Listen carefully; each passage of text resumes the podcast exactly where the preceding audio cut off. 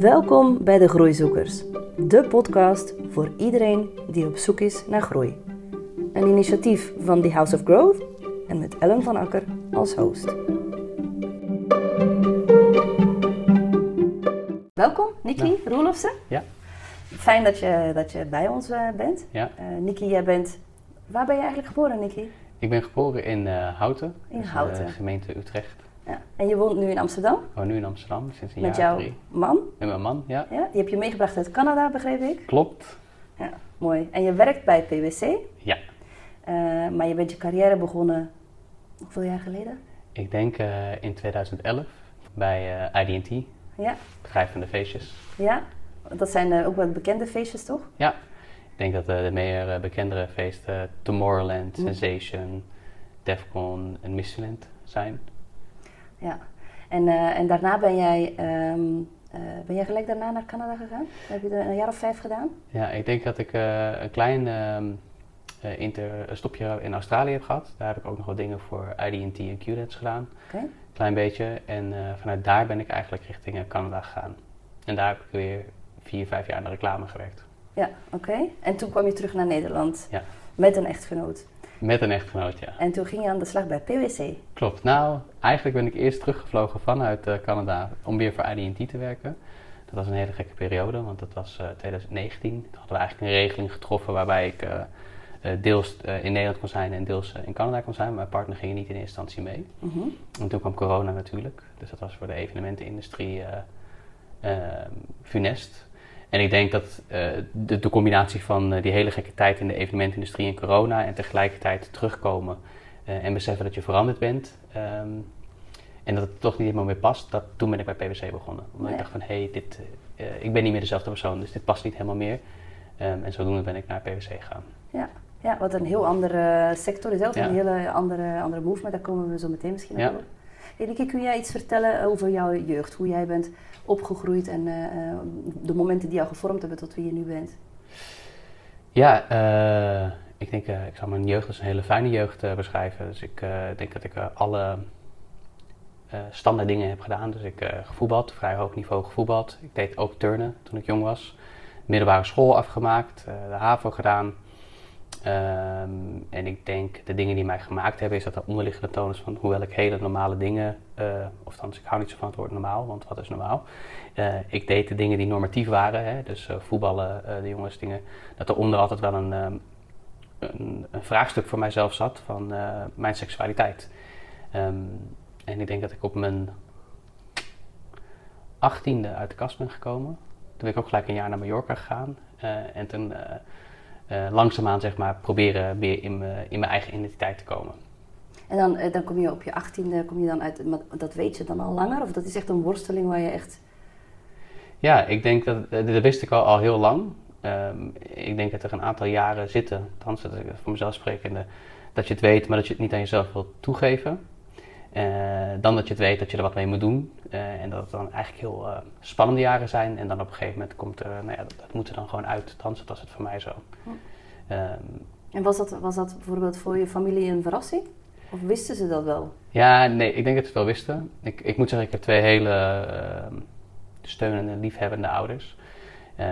Ik ben een van de drie jongens, dus ik ben de middelste. Dus ik denk dat mijn ouders ook wat verschil hebben gezien. Ik heb alles gedaan van een jongetje dat ik op ballet wilde toen ik jong was. Dat, dat ik met Barbie speelde, totdat ik eh eh, turnen deed, totdat ik heel hoog niveau gevoetbald heb. Dus er zat daar heel veel eh, dualiteit in natuurlijk. Eh, ik denk dat mijn ouders er altijd hebben gezien dat ten opzichte van mijn broers dat ik andere interesses had. Ze hebben alleen nooit echt de druk op me gelegd om, eh, om er iets mee te doen. Ze hebben altijd gedacht van hij komt er wel mee als hij ermee wil komen. Ja. Ja, je, wil zeggen, je, je zei net een paar keer, je hebt op hoog niveau gevoetbald. Ja. Voetbal is natuurlijk, oh ja goed, dat is ook wel nog veel om te doen, rond acceptatie, toch? Heeft dat meegespeeld om het moeilijk te maken voor...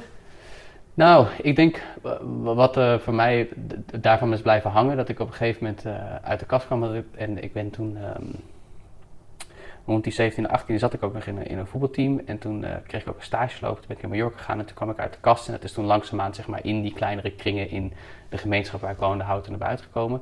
En daarna heb ik eigenlijk nooit meer teruggedurfd. Ehm, omdat ik niet zo goed wist eh, of ik daar geaccepteerd zou worden, of dat dat oké zou zijn. Dus ik heb dat toen eigenlijk een beetje achter me gelaten. Ik denk deels ook omdat, ehm, eh, eh, ja, omdat ik gewoon een stukje vrijheid zocht daarin. Hè? En dat ik bang was als ik daar was, dat ik dan, ja, dan krijg je, ik wilde die spanning niet opzoeken, denk ik.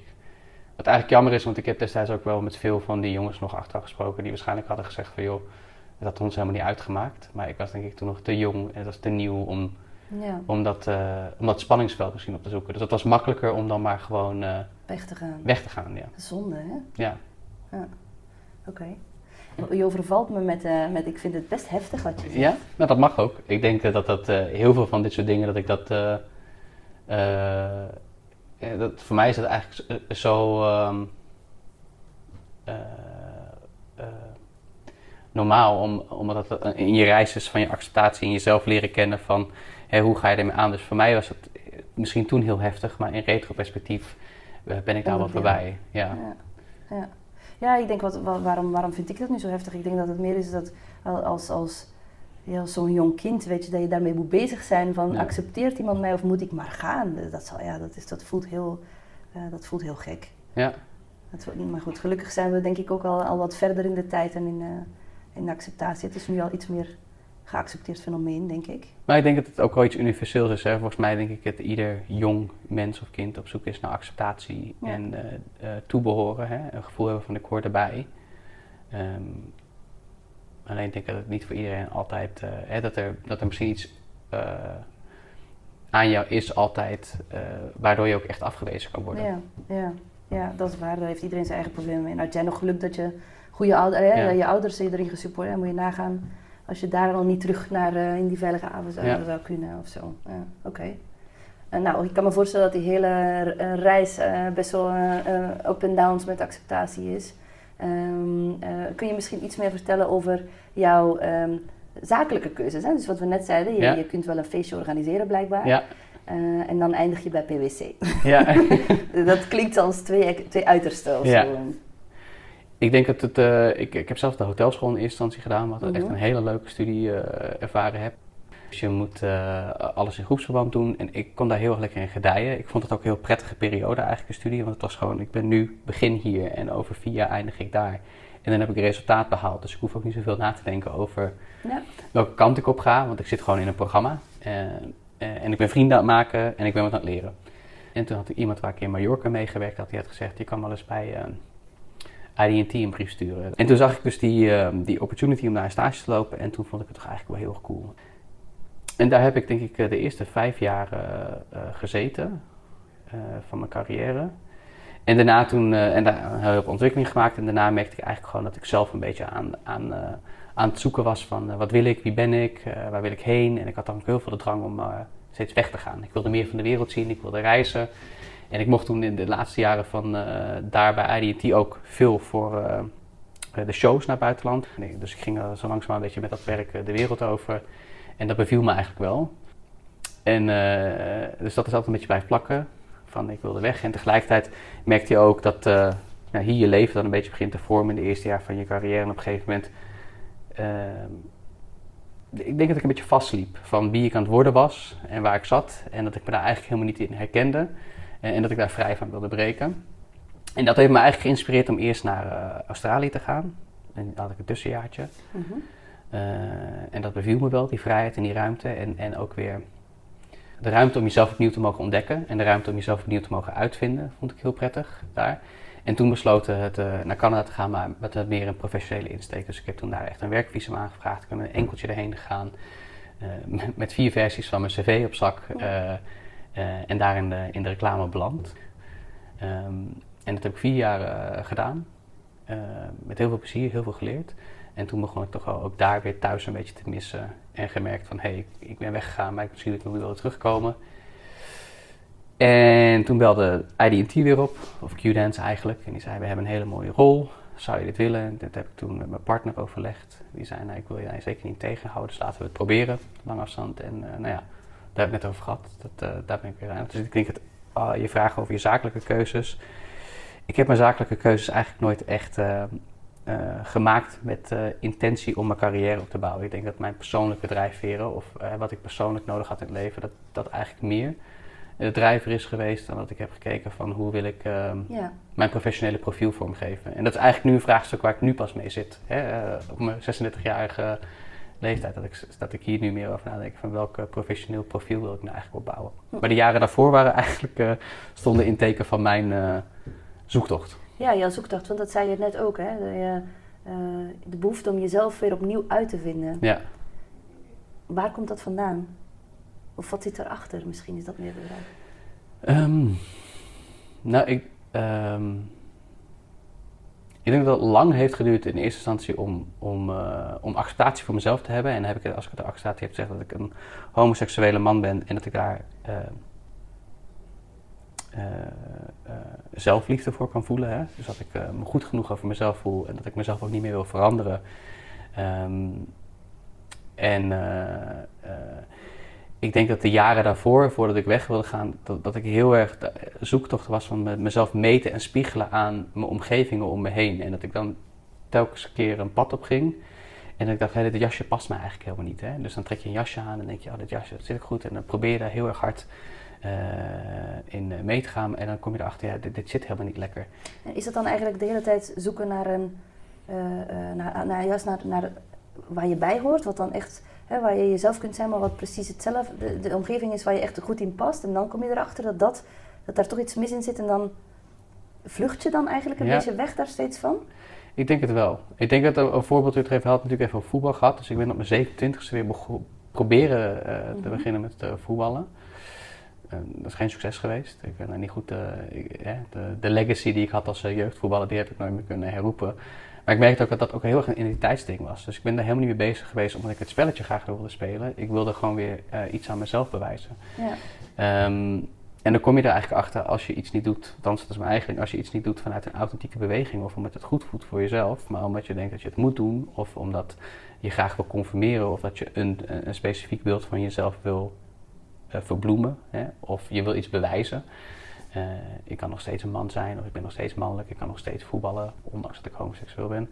Dat dat niet de juiste drijfveren zijn om je keuzes te maken. Want je, dat is voor mij persoonlijk dan, ik kan dat niet voor anderen zeggen, maar dat, dat je loopt, ik liep dan toch elke keer stuk Ja. eh, daarop. Ja, ja, daar zit wel iets in.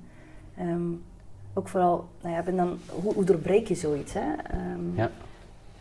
Als persoon, maar ook als systeem. Ja, Dat is denk ik juist het hele inclusiviteitsdilemma. Hè? Als we mensen kunnen accepteren zoals ze zijn en zien zoals ze zijn. En dat, dat je dan juist niet, als je, niet anders, als je anders bent, dat je niet meer die, druk voelt om erbij te horen. Maar dat, je, ja, dat dat geen uitdaging hoeft te zijn voor jou als persoon. ja, en ik denk dat, eh, daar heb ik natuurlijk, wat je daarbij aangeeft, wat heel interessant is om nu te zien van de, de verschillende eh, bedrijven, als ik het dan even heb waar ik heb ingezeten, zijn het eigenlijk over het algemeen altijd eh, eh, nou, bedrijven tussen de 70 en 150 man geweest. Eh, en daar heb je toch wat meer een monocultuur. Hè? En dan heb je toch wat meer een DNA wat specifiek is voor die eh, 150 man. En, en, en dat vond ik altijd.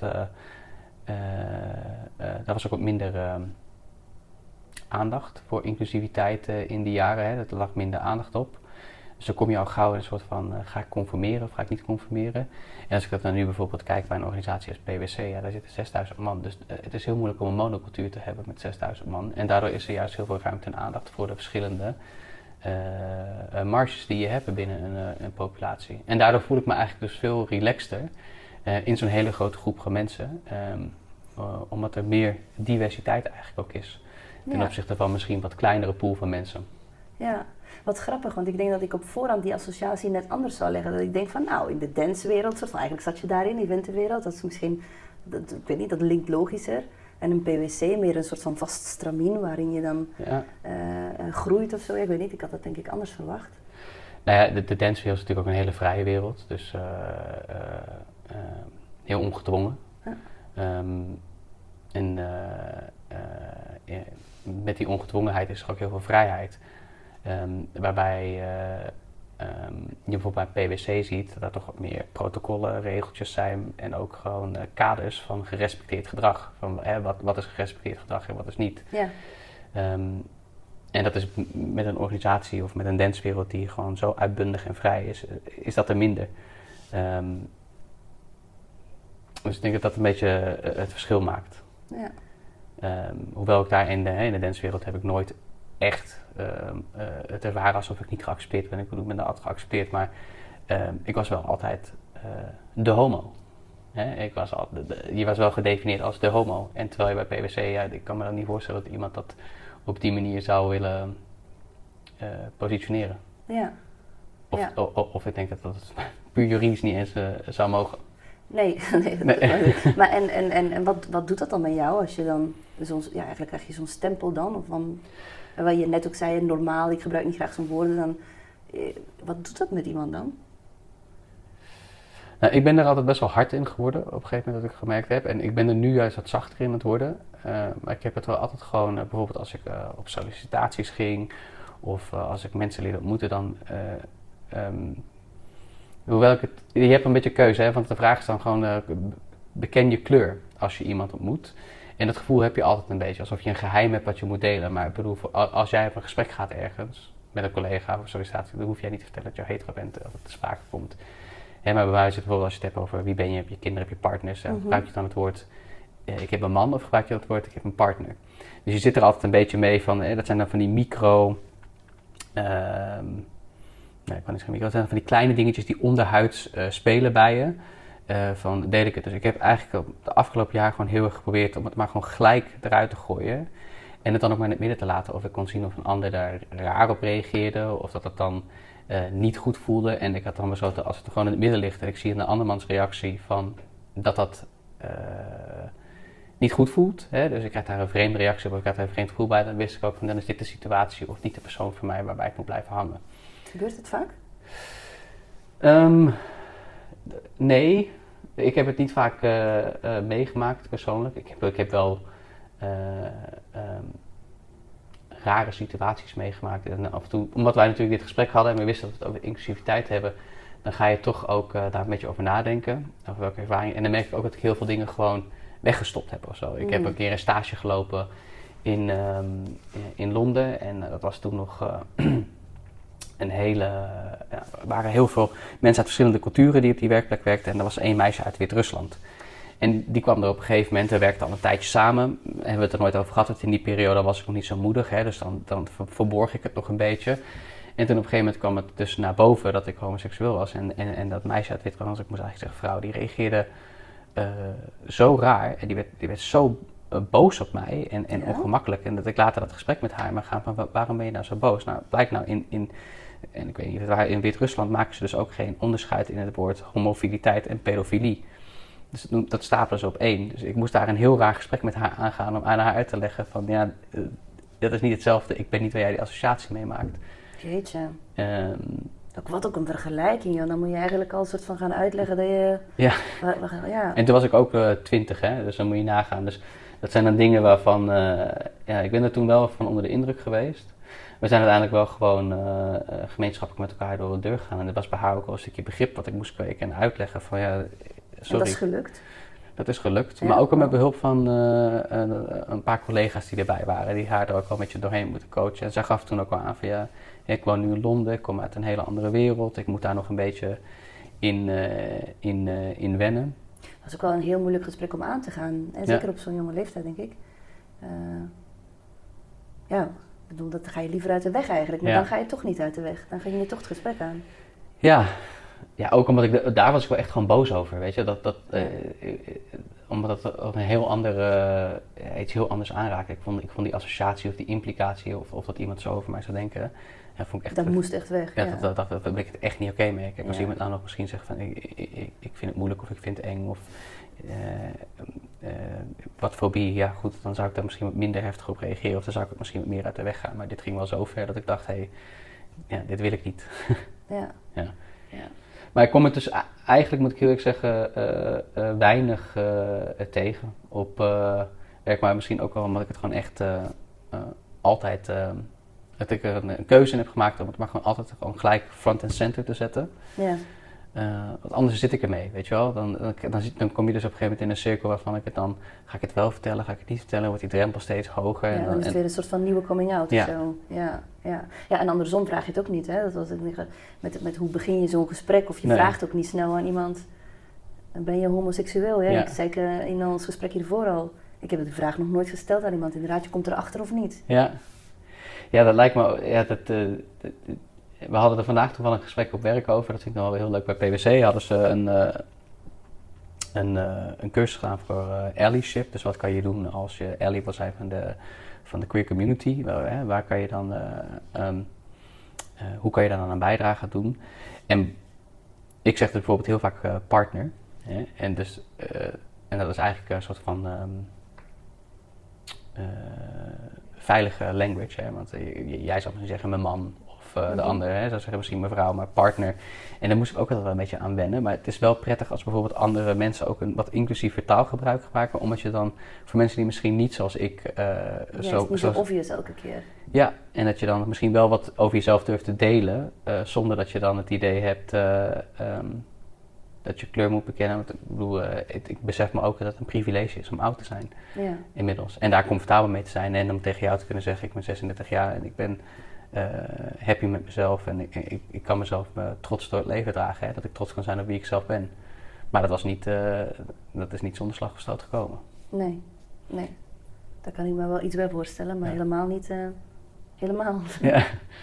ja, dus ik denk dat, dat ehm, ja, Want als je op een bepaald moment dan ehm, daarmee naar buiten komt, hè, ja. je moet je kleur bekennen zoals je zegt, heb je dan ook het gevoel dat je je anders moet of kunt gedragen? Ehm, nou, nu niet meer. Nu niet meer. Hè? En dat was ook denk ik wat ik tegen, waar, we het eerder over hadden. Nu, ik ben nu op het punt dat ik gewoon comfortabel met mezelf ben. Maar ik denk in de jaren daarvoor dat ik heel veel het gevoel had dat ik moest compenseren. Dat ik, eh, als ik wel vertelde dat ik hom- homoseksueel was, destijds voor mijzelf en misschien ook in het publieke debat als wat minder, eh, werd homoseksualiteit toch ook heel erg met verwijfd of vrouwelijk of niet echt man eh, geassocieerd. Ehm, en, en, sommige van die misschien publieke meningen heb ik ook een hele lange tijd geïnternaliseerd. Hè? En dan ging ik daarvoor compenseren. Dan ging ik kijken of eh, ik me toch wat mannelijker kon bewijzen of wat mannelijker kon voordoen dan ik wilde. Of mezelf heel erg onder een loep leggen van hoe je praat of hoe je beweegt. Hè? Dat, dat, dat heel erg proberen te overcompenseren. En dat is natuurlijk superschalig gedrag voor jezelf. Dus ik ben hartstikke blij dat ik daar inmiddels, hè, en dat is die reis van zelfacceptatie, dat ik dat niet meer hoef te doen. Maar ik denk wel in de eerste jaren dat dat ook die reis is geweest. Ik ben altijd open en eerlijk geweest dat ik oud was. Eh verteld dat ik homoseksueel ben. En nu, eh, anno 36, durf ik te zeggen dat ik dat soort dingen niet meer doe. Maar in de jaren daarvoor was dat dus wel heel vaak een strijd. Van eh, ja, jezelf proberen op de werkvloer dan eh, mannelijker voor te doen. Of eh, wel proberen one of the guys te zijn. Terwijl je heel vaak toch, eh, nee, je bent wel one of the guys, maar ik ben gewoon mijn eigen persoon. Op Ja. een andere manier. Ja. En ik probeerde heel vaak dan het jasje van one of the guys te dragen. Hè? Van ehm, eh, ja, de prototype van, of althans, het normatieve profiel van de guys. ja. Wat super vermoeiend, hè? Ja, ja. Toch? ja, dat was echt heel vermoeiend, eh, kan ik je vertellen. Dat was niet, eh, een hele hoop eh, energie is daarin gegaan om dat, om dat te onderzoeken in jezelf, maar ook om te ontleren en om daar relaxed met jezelf te zijn. Ja, dat is wel... Wat heeft er nu eigenlijk voor gezorgd dat je dat bent gaan accepteren? Wat, wat, is, wat is de game changer geweest als dat überhaupt kan benoemd worden op één iets? Nou, ik denk dat ik eh, voor mij persoonlijk op een gegeven moment een hele lange tijd, ik denk tot een jaar 6, 27, 28, gewoon in een grote vriendengroep eh, zat. Vooral met heteroseksuele vrienden. Ik had niet veel homoseksuele vrienden. En dan op een gegeven moment merkte je wel van, nou ja, de jongens hadden interesse in, in daten met meisjes. En de meisjes waren op zoek naar vrienden. En op een gegeven moment merkte ik gewoon steeds dat ik er een beetje tussen zweefde. Dus mensen kregen relaties. Ehm, ja, dan ga je toch een beetje nadenken van ja, maar waar ga ik dan heen? Want als iedereen straks eh, eh, relaties gaat hebben, ehm, ik wil ook niet meer eentje overblijven. Eh, los van dat ik het ook heel ongezellig vind om Mhm. in eentje te zijn. En, en ik denk dat daardoor ben ik wel wat meer in mezelf gaan kijken van oké, dus als ik mezelf mijn leven met iemand wil delen, of als ik, dan, dan moet ik accepteren dat ik dat, want ik ben gewoon aangetrokken tot mannen, dat ik dat met een man ga doen. Ehm, dus ik denk dat dat een hele grote drijver is geweest van ik wil uiteindelijk toch gewoon ehm, en, en daar moest ik ook een hoop beelden op loslaten. Hè? Van, eh, loslaten bedoel ik van, ja, eh, ehm, Verwachtingen? Of wat bedoel je met beelden? ja beelden van, ik, ik vond het eh, toen ik jonger was ook, hè, dat, noemen ze internalized homofobia, noemen ze dat eigenlijk. Hè? Dat is eh, geïnternaliseerde homofobie die je dan hebt. vond ik het heel moeilijk om mezelf te visualiseren om oud te worden met een man. Ehm, omdat je, Is dat iets, is dat een, sorry, dat is voor mij onbekend, maar is dat iets wat we eigenlijk allemaal meekrijgen vanuit de standaard waarin je opgroeit? Of hoe moet ik dat zien? de internalized homofobia. Nou, ik denk dat eh, het beste manier om het uit te leggen, er zitten natuurlijk heel veel ehm, kleine eh, microagressies in taal en in de maatschappij. Ja. Hè? Dus ehm, flikker op, Ja? doe niet zo gay, eh, wat een homo. Hè? Dus allemaal dingen die de associaties maken dat eh, wat jij bent of wat ik ben, dat dat slecht is. Ehm, of iets wat zwak is, of iets wat niet goed is. En als je dat heel je leven hoort eh, op de straat, Dan wil je dat niet zijn. dan eh, maak je dus een associatie van dat homo. niemand zal ooit zeggen van. Jeetje, wat homoseksueel dat jij dat hebt gedaan in de context van supergoed. Ja. Het is altijd in, Ja. een, in een negatieve context. En dat, dat internaliseer, internaliseer je natuurlijk, hè? dus dat, dat bouw je op. Ehm, en eh, ik denk dat dat. eh, dus het is, het is nooit iets om trots te zijn. Hè? Het wordt nooit gebruikt eh, om iets aan te geven wat goed is, of iets waar je trots op mag zijn, of waar je blij mee mag zijn. Ehm, en ik denk dat dat is wat ik heb moeten overwinnen. Van, ik denk van ja, die stemmen moet je eh, lager zetten. Daar moet je niet naar luisteren, maar je moet gewoon dicht bij jezelf blijven en gewoon Ja. trots op jezelf zijn. Ja. En dat wie ik ben, Ja. eh, ik heb het ook zelfs nog geprobeerd te veranderen. Hè? Dat ik echt eh, probeer te kijken of, te kijken of ik het niet kon zijn. Hè? Ehm, eh, en ja, op een gegeven moment merk je gewoon, ik kan, daar, ik kan dat niet. Dit Nee. is gewoon wie ik ben. Ja, ja. ja wat, ehm, een voorbeeld wat je geeft, ehm, dat heb je natuurlijk helemaal niet door. Hè? Als je dat niet, ik heb dat niet door. Met, met, met, met Nee. de associaties die je impliciet legt, of, of, of dat dat echt zo zwaar weegt, tot als je dat dan deelt. Dus ik vind het wel mooi dat je dat, je dat zegt. Ik heb ook een keer, toen je dat zegt, eh, was ook een moment dat het heel raar was dat ik, eh, eh, ik zal geen namen noemen, maar dat ik eh, aan, aan de lunchtafel werk zat. En dat eh, een van mijn collega's in de senioren posities, die heeft dezelfde studie gedaan als ik, wel wat ouder. Ehm, ook de hotelschool, andere vestiging. En eh, op de hotelschool ga je het eerste jaar ga je op eh eh, internaat, hè, dus je gaat met Ja, elkaar ja. op kamer, de deeljo-kamers. Dus de jongens gaan met jongens en de meisjes gaan met meisjes op een kamer. En die betreffende persoon vroeg aan mij van, oh leuk, heb je ook de hotelschool gedaan? En die, en die zei van, maar hoe, hoe gaat dat dan voor jou? Moest jij dan met de meisjes op de kamer slapen? En ik was, ik denk dat ik toen ook een jaar of 22 was of 23. Ik was denk ik zo dumbfounded bij die question. dat ik ook oprecht vroeg van, wat bedoel je nou precies? Ik snap het niet helemaal. Ja, en daarna heb ik wel eh, me nooit meer echt relaxed onder deze persoon ook gevonden. Dat ik altijd gedacht van, eh, dus ja, ik denk dat, dat er ook voor, waarom ik het met je deel, ik denk dat er ook heel veel voor mensen ehm, onwetendheid in zit. Hè? Van, Ja. eh, en dat het misschien niet altijd slechte bedoelingen zijn geweest, maar dat mensen ook echt oprecht geen idee hebben. Nee, je hebt erbij. die impact, voel je niet Nee. als je daar niet in zit. Ja, Het heeft, het heeft zeker ook.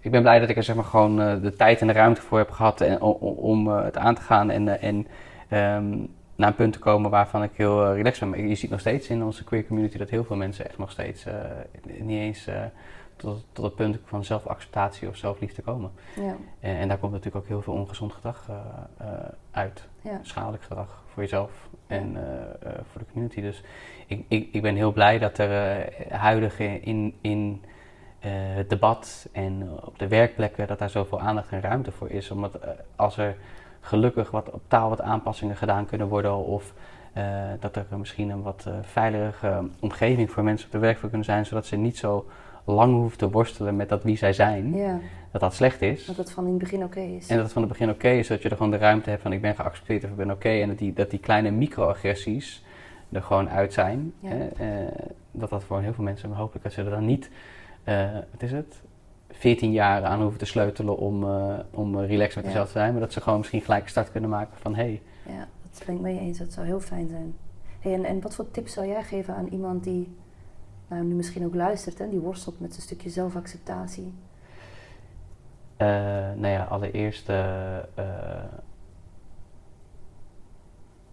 ehm, ja, ik denk dat het belangrijkste dat je gewoon kan zeggen is van... eh, eh, wees gewoon trots op jezelf en... en ehm, ehm, nee, ik denk dat het belangrijkste dat je wil zeggen is gewoon van... eh, leer gewoon van jezelf houden en ook eh, van je onvermaaktheden. En, en, luister niet te veel naar... ehm, de negatieve stemmen of de negatieve indrukken van jezelf. Of, of misschien wat je van buitenaf op je heen wil hebben. Maar, maar ga gewoon eh, ehm, ja, dingen worden gewoon, voor, voor mij persoonlijk dan, hè, dingen worden gewoon wat makkelijker. En ik denk dat dat niet alleen voor homoseksuele mensen geldt. Ik denk dat dat voor iedereen geldt. Dingen worden gewoon wat makkelijker als je uh, relaxed met jezelf bent. En als je gewoon trots op jezelf bent en uh, niet te veel aan jezelf twijfelt. En dat je wat zelfverzekerdheid op kan bouwen. Ja, want het zit, het zit ook vaak in je eigen hoofd. Nou, niet alleen in je eigen hoofd, hè, laten we duidelijk zijn. Maar je, je, hebt, je hebt je eigen overtuigingen opgebouwd en gelegd die het misschien groter maken dan... Heb je, dus heb, je die, heb je die ervaring? Dat je dat gaat toetsen en dat dat mee lijkt te vallen ten opzichte van wat je zelf als belemmering voelde? Ja, ik denk, zeker. Ik denk dat af en toe uh, een stukje meditatie mij wel heel erg heeft geholpen. Hè? Dus af en toe uh, de uitfilter van wat zijn nou eigenlijk uh, de dingen die je tegen jezelf zegt de hele dag. Of de dingen die je over jezelf tegen jezelf zegt de hele dag. Hè? Wat zijn die stemmen dan en wat zeggen die dingen dan eigenlijk? En je zou ze dan eigenlijk eens een keer moeten opschrijven en zeggen, zou je dit ook tegen een ander zeggen? Ja. Um, weet je wel? En, dan, en dan merk je heel snel van, goh, wat zijn het eigenlijk lelijke dingen die je ja. uh, tegen jezelf kan zeggen op een dag. En, en, en ik denk dat dat voor mij gewoon een heel stuk is, daar gewoon niet meer naar te luisteren. En daar gewoon mee stoppen. Ja, ja goede tip. Ja. Trouwens, uh, in een andere breedte, dat herken ja. ik ook. Dat is echt, uh, um, doen veel mensen, denk ik. En, en nog, een, nog een vraagje, hè? want je gaf net ook aan um, dat je nu eigenlijk pas over je carrière begint na te denken. Ja. Heb je het gevoel dat je vertraagd bent in je carrière door de zoektocht die je, die je, die je, die je gemaakt hebt? Ja, ik denk het wel. Ik denk dat, ik het, uh, dat er altijd, uh, dat er altijd een onderliggende um, scan voor mij was om te kijken, ben ik veilig in de ruimte waar ik ben? Voel ik me op mijn gemak hier? En om je daar een voorbeeld van te geven, op een gegeven moment ben ik in die uh, agency-wereld gaan werken, het reclamebureau. Um, en nou, um, reclame werkt op een basis van, uh, de agency-wereld werkt op basis van uh, verkoop je inzichten, verkoop kennis, uh, je moet jezelf profileren. Um, dus als je een ruimte binnenloopt, moet je een stem hebben. Je moet een mening hebben, je moet een point of view hebben en je moet durven spreken. Want als je daar zit op de, op de, tijd van de klant en je hebt geen inzicht, waarom zit je daar dan? Want mm -hmm. wordt voor je betaald. En ik denk dat dat voor mij echt een realisatie was toen ik in die, in die wereld kwam. En ik, ik heb het over gehad, ik ging weg en ik moest mezelf opnieuw beginnen. Ik durfde ook nooit uh, echt mezelf te laten zien. Ja. Omdat ik altijd bang was om, uh, uh, om afgewezen te worden of om misschien de verkeerde dingen te zeggen. Ik vond het eigenlijk wel prettig om ehm, ja, gewoon, hoe zeg je dat, gefaseerd of een façade op te hebben of neutraal te zijn, want daar konden mensen niet zoveel van je ja, zeggen. meedoen hoe het hoort eigenlijk. Ja. Dan ben je ook nooit, ja, dan kom je er ook nooit echt krachtig uit, denk ik, want dan ga je nadoen of... Ja, en als je denk ik niet durft te spreken in een ruimte, of je durft je stem niet te laten horen, of je durft geen inzet, dan kan niemand je ook zien. Dus vanuit je carrière, hoe kom je dan verder? Hè? Als je niet uh, um, durft op te staan, of je hand op te steken, ja. of uh, je zegje durft te doen. Um, dus ik denk dat dat uh, was echt een, een, inzicht wat ik pas ergens nou, tegen de 29, 30 geef. Dat ik gewoon dacht, hey, ik zit in een ruimte en waarom durf ik nou eigenlijk niet te spreken? En is het dan nu anders? Ja, ik denk het nu wel. En dat komt ook weer omdat ik gewoon, omdat ik comfortabel met mezelf ben en dus niet meer zo bang ben voor de afwijzing. Hè? Uh, vooral denk ik van mezelf, maar ook niet meer van anderen, uh, ben ik ook gewoon wat gemakkelijker om uh, dingen te delen. om misschien de, de, hardop een, een, idee te delen, dat het afgewezen kan worden, omdat het allemaal ook wat minder persoonlijk is geworden in die zin. het heeft geen reflectie meer op mij. Ja, ja, ja, mooi. Ja. En, dus, ja, en ik denk, als ik kijk, en daar hadden wij het natuurlijk ook wel even over, van, voordat we dit gesprek aan gingen, heb ik ook even gekeken naar naar, uh, naar jouw cv en de stappen die jij hebt gemaakt natuurlijk. En toen zag ik dat jij gewoon een mooie lange tijd bij ING bent gebleven. En dat je daar mm -hmm. een jaar tussenuit hebt genomen om uh, je sabbatical te doen. Mm -hmm. um, ja, achteraf dacht ik wel eens misschien, uh, als ik gewoon niet zo rancuneus op zoek was naar mezelf... of steeds het gevoel had dat ik dingen achter me moest laten... dat ik misschien ook gewoon bij een werkgever had kunnen blijven hangen... en gezegd van, joh, ik heb gewoon even een jaartje nodig om, om wat uit te zoeken. Um, maar het ging altijd heel erg um, ad hoc... Weet je wel? En op een gegeven moment dan bleef ik ergens lang zitten en dan, dan merkte ik wel van het, het, het, het, past niet helemaal. En dan moest ik in één keer weg, direct. En wat maakte dan dat er die urgentie was? Dat het uh, van, echt van links naar rechts opeens en dat het moest? Ja, ik denk dat je als je lang genoeg uh, niet naar jezelf uh, luistert, of niet uit intrinsieke motivatie, of althans voor mij, ik moet zeggen, ik merkte dan dat, ik lang, dat ik heel lang niet naar mezelf luisterde, niet dicht bij mezelf bleef staan, of niet uh, deed de dingen waar ik me prettig bij voelde, dan op een gegeven moment knapt het. Ja. Dan, ja. dan, dan is er niks anders, ja. Dan moet het gewoon weg. Ja, dat klinkt eigenlijk wel logisch. Ja. ja, ja. ja. Hoe vind jij het om het hierover te hebben? Is dat, is dat, is dat gek? of voelt dat eigenlijk juist fijn? Nou, ik heb er wel heel erg over nagedacht. We hebben het ook over gesprek gehad van, hè, van we wisten dat we deze podcast op gingen nemen. En um, dacht ik, ja, wat, wie ben ik om wat te vertellen? Hè? Dat zijn ook van die stemmen waar ik dan op stop met luisteren. Want dan ga je natuurlijk heel negatief van, wat heb ik nou te vertellen dat andere mensen willen horen? Nou, dan heb ik het uitgezet. Ik, daar luister ik dan niet meer naar. Goed van je. En, um, maar wat ik wel dacht is, van, goh, het enige wat ik kan vertellen is, is mijn verhaal. Uh, hoe, hoe, ik het... Um, uh, mijn reis als uh, coming out en homoseksualiteit en dat geïntegreerd op de werkvloer, hoe dat voor mij geweest is. Um, en in de hoop daarvan dat, dat mensen bijvoorbeeld, we hadden vandaag ook een gesprek, hè, als die discussie gaat over he, him, she, he, of she, her, dat mensen dat misschien af en toe extreem vinden, dat er misschien wat begrip gekweekt wordt dat je niet altijd kan zien voor hoeveel mensen, voor hoeveel mensen van de queer community dat dat um, dat er zoveel onderhuids kan spelen. En dat daar misschien wat voor begrip is dat het een kleine moeite is om misschien je een beetje af en toe in te lezen ergens in. Of je te verplaatsen en uh, uh, om het van anderen misschien soms wat makkelijker te maken. Ja. Hè, dus uh, we hadden van de week, vond ik het ook heel moeilijk, we, hadden, we zaten met alle collega's en er zit één genderneutrale wc bij mm -hmm. PwC op de begane grond. Nou, en ik, ik werk in voornamelijk een team met vrouwen. En die gingen daar helemaal over tekeer dat ze dat, nou ja, vonden ze maar ongemakkelijk en vervelend. En ja, er werd een beetje lachelig over gedaan. Um, en toen had ik ook, zat ik van, nou, ga ik hier wat dan zeggen, ga ik hier niet zeggen. Toen zei ik, nou ja, maar volgens mij, als ik naar het gebouw kijk, hebben we twee torens. Elf verdiepingen aan de rechterzijde en zeven aan de andere zijde, waar op elke vloer een wc zit, een mannen- en een vrouwen-wc. Maar kan je je voorstellen als je iemand bent die zich, en ik vind dat ook nog steeds heel moeilijk, um, in de zin van dat ik me er niks bij voor kan stellen, want ik voel me gewoon heel comfortabel in mijn eigen lichaam. Maar als je dat niet voelt, um, hoe het dan voor jou, voor hun is om altijd maar nooit naar een wc te kunnen lopen waar je je uh, relaxed voelt. Ja. Um, en toen, dacht, en toen probeerde ik ook te zeggen van joh, als je, als je je erbij ongemakkelijk voelt, volgens mij heb je nog voldoende keuze om ergens anders heen te gaan. Dus maak er dan niet zo'n ding van. Ja, um, mooi. Dat Werd dat ook begrepen toen? Uh, ja, ik denk het wel. Ja. Maar het is altijd wel een beetje ongemakkelijk om dat gesprek aan te gaan. Hè? Ja. Dus met dan weer de vraag van, goh, moet ik het dan uh, openen?